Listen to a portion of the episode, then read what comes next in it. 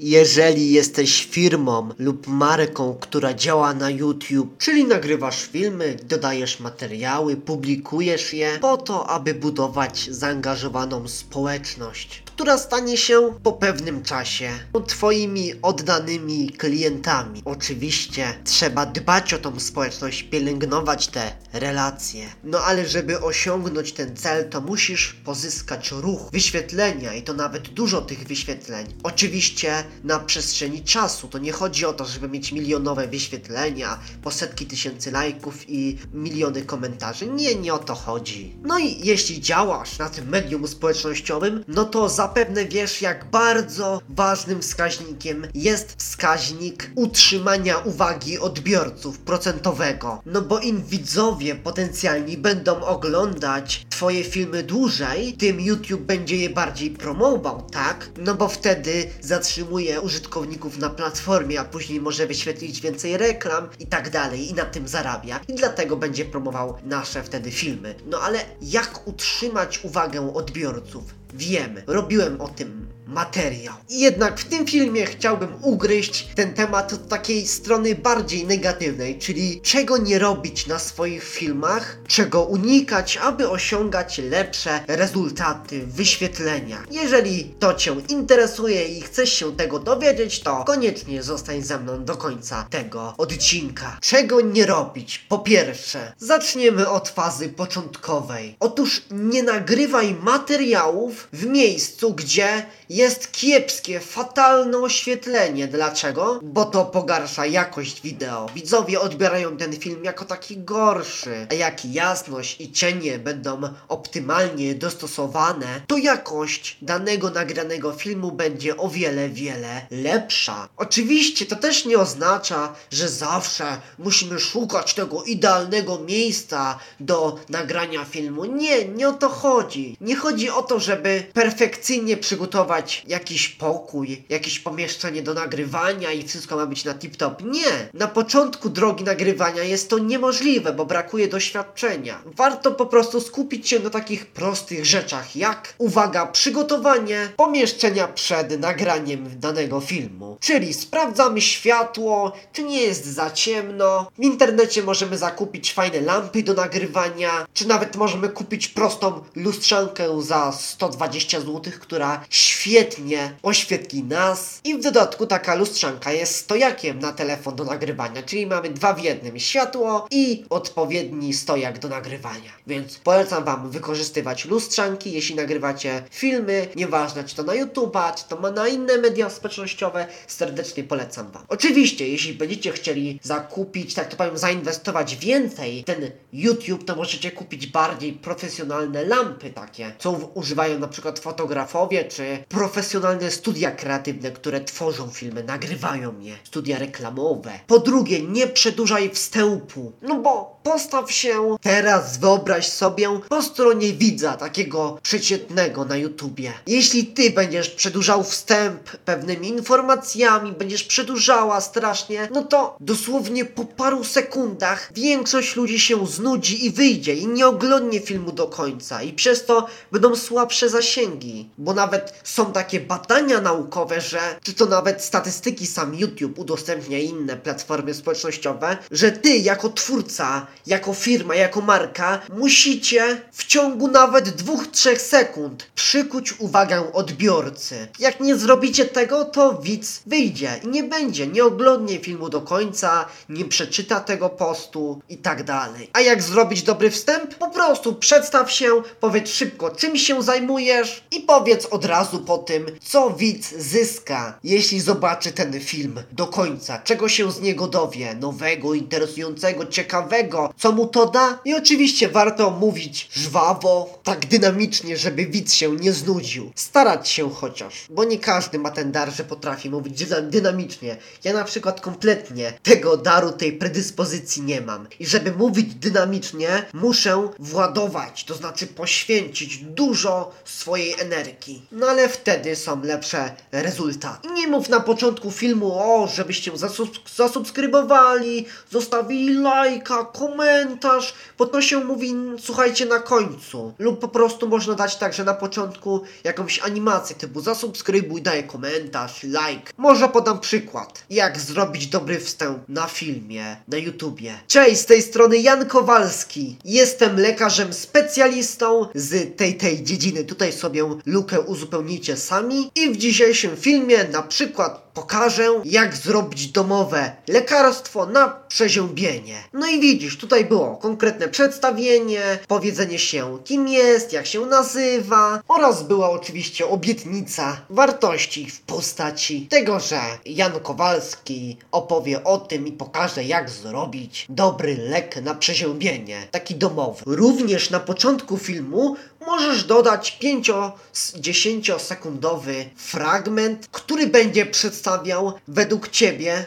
najlepszy moment z filmu danego, najbardziej może kontrowersyjny, śmieszny, interesujący dla Twojego widza, czy dla Ciebie i tak dalej. To też jest dobry pomysł. Czyli dajemy obietnicę w tym sposobie fajnej rozrywki. I widz chcąc dowiedzieć się o co chodzi i tak dalej, to będzie musiał oglądać film do końca. No i wtedy mamy ten sukces, że widz ogląda, ogląda do końca. Czas oglądania się przedłuża, YouTube bardziej promuje ten film, no i ogólnie kanał. I tutaj w tym wątku pojawia się takie pytanie, czy na przykład dodawać ogłoszenie o swoich produktach, co oferujemy na początek filmu? Oto jest pytanie, co? Moim zdaniem tak, ale nie możemy robić tego za długo, nie możemy pół godziny za przeproszeniem o tym od opowiadać. Najwyżej 15-30 sekund. Przesadziłem. Najwyżej 15 czy tam 20. Dobrym pomysłem na rozpoczęcie materiału, także uwaga, uwaga, będzie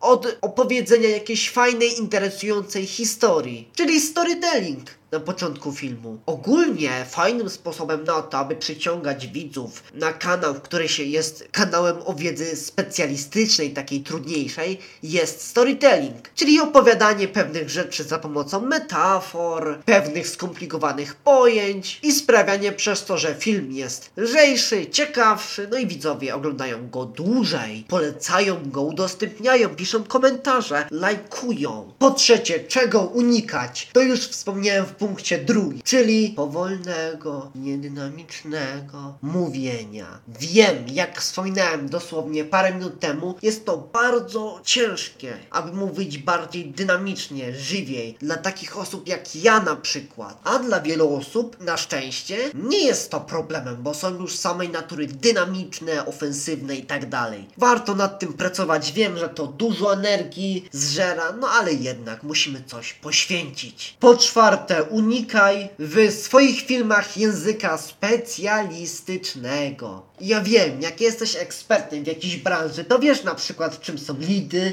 marketingu, ale nie każdy to wie. Nie każdy to może wiedzieć, że na przykład lidy to oznacza to, co oznaczają lidy, tak? Nie każdy o tym wie. Niektórzy ludzie inaczej definiują pewne pojęcia i przez to mogą się rodzić problemy. Mów prostym, kulturalnym językiem. Unikaj takiej branżowej nowomowy. A jeśli chcesz generalnie wprowadzić jakieś słowo, jakiś skrót, to wytłumacz to ludziom. Czy to w postaci jakiegoś napisu tam w nawiasie, e, podczas montażu dodasz na filmie, czy podczas nagrywania filmu powiesz, że na przykład to słowo oznacza to. Mówiąc o tym mam na myśli to i tak dalej. Tłumacz widzowi, bo nie każdy jest na tak zaawansowanym poziomie jak ty, a też poza tym, jak mówiłem wcześniej, ludzie inaczej definiują pewne wyrazy, y, mylą się i przez to mogą powstawać pewne bariery, pewne problemy. Po piąte, staraj się unikać czegoś takiego jak yy, jakichś dłuższych przerw w mówieniu. Jak przerwy są za długie pomiędzy jednym zdaniem, to można wyciąć. Tak samo nasze zacięcia typu yy, także można wyciąć. Ja na przykład często podczas nagrywania także mam problem z yy. Są różne sposoby, jak sobie z tym radzić. Ja znam taki, że jeżeli chcemy coś dodać, coś dopowiedzieć,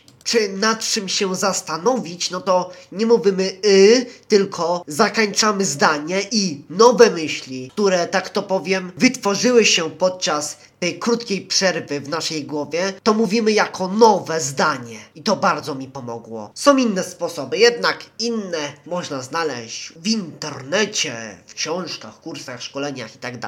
Ja znam ten, bo on jest najprostszy, najbardziej skuteczny. Kolejny punkt, czego nie robić. Otóż jak zaczynasz nagrywać, to nie inwestuj majątku w nowy sprzęt. Wystarczy ci zwyczajny, standardowy telefon, który ma dobrą kamerę, zwyczajny mikrofon, krawatowy za 60-80 zł, nawet za 30. Mikrony, mikrofony krawatowe mają zawsze bardzo dobrą jakość dźwięku. Ja tutaj korzystam z innego rodzaju mikrofonu, przepustościowego, więc z moim głosem to jest taki dziwny dźwięk. Jednak z tym mikrofonem, no nie wiem, bardziej się przyzwyczaiłem, wygodniej mi się z nim nagrywa, ale jak zamierzasz nagrywać filmy, nie podcasty, no to polecam Ci serdecznie mikrofony krawatowe. Polecam Ci firmę, firmę, z której korzystam, korzystają moi klienci, bo jak się pytają, to im polecam. A firma się nazywa Maono. Prosty, minimalistyczny mikrofon krawatowy, tam od 30 do, do 100 zeta i doskonała jakość. A koszt nie tak duży. Czego nie robić kolejny punkt? Otóż brak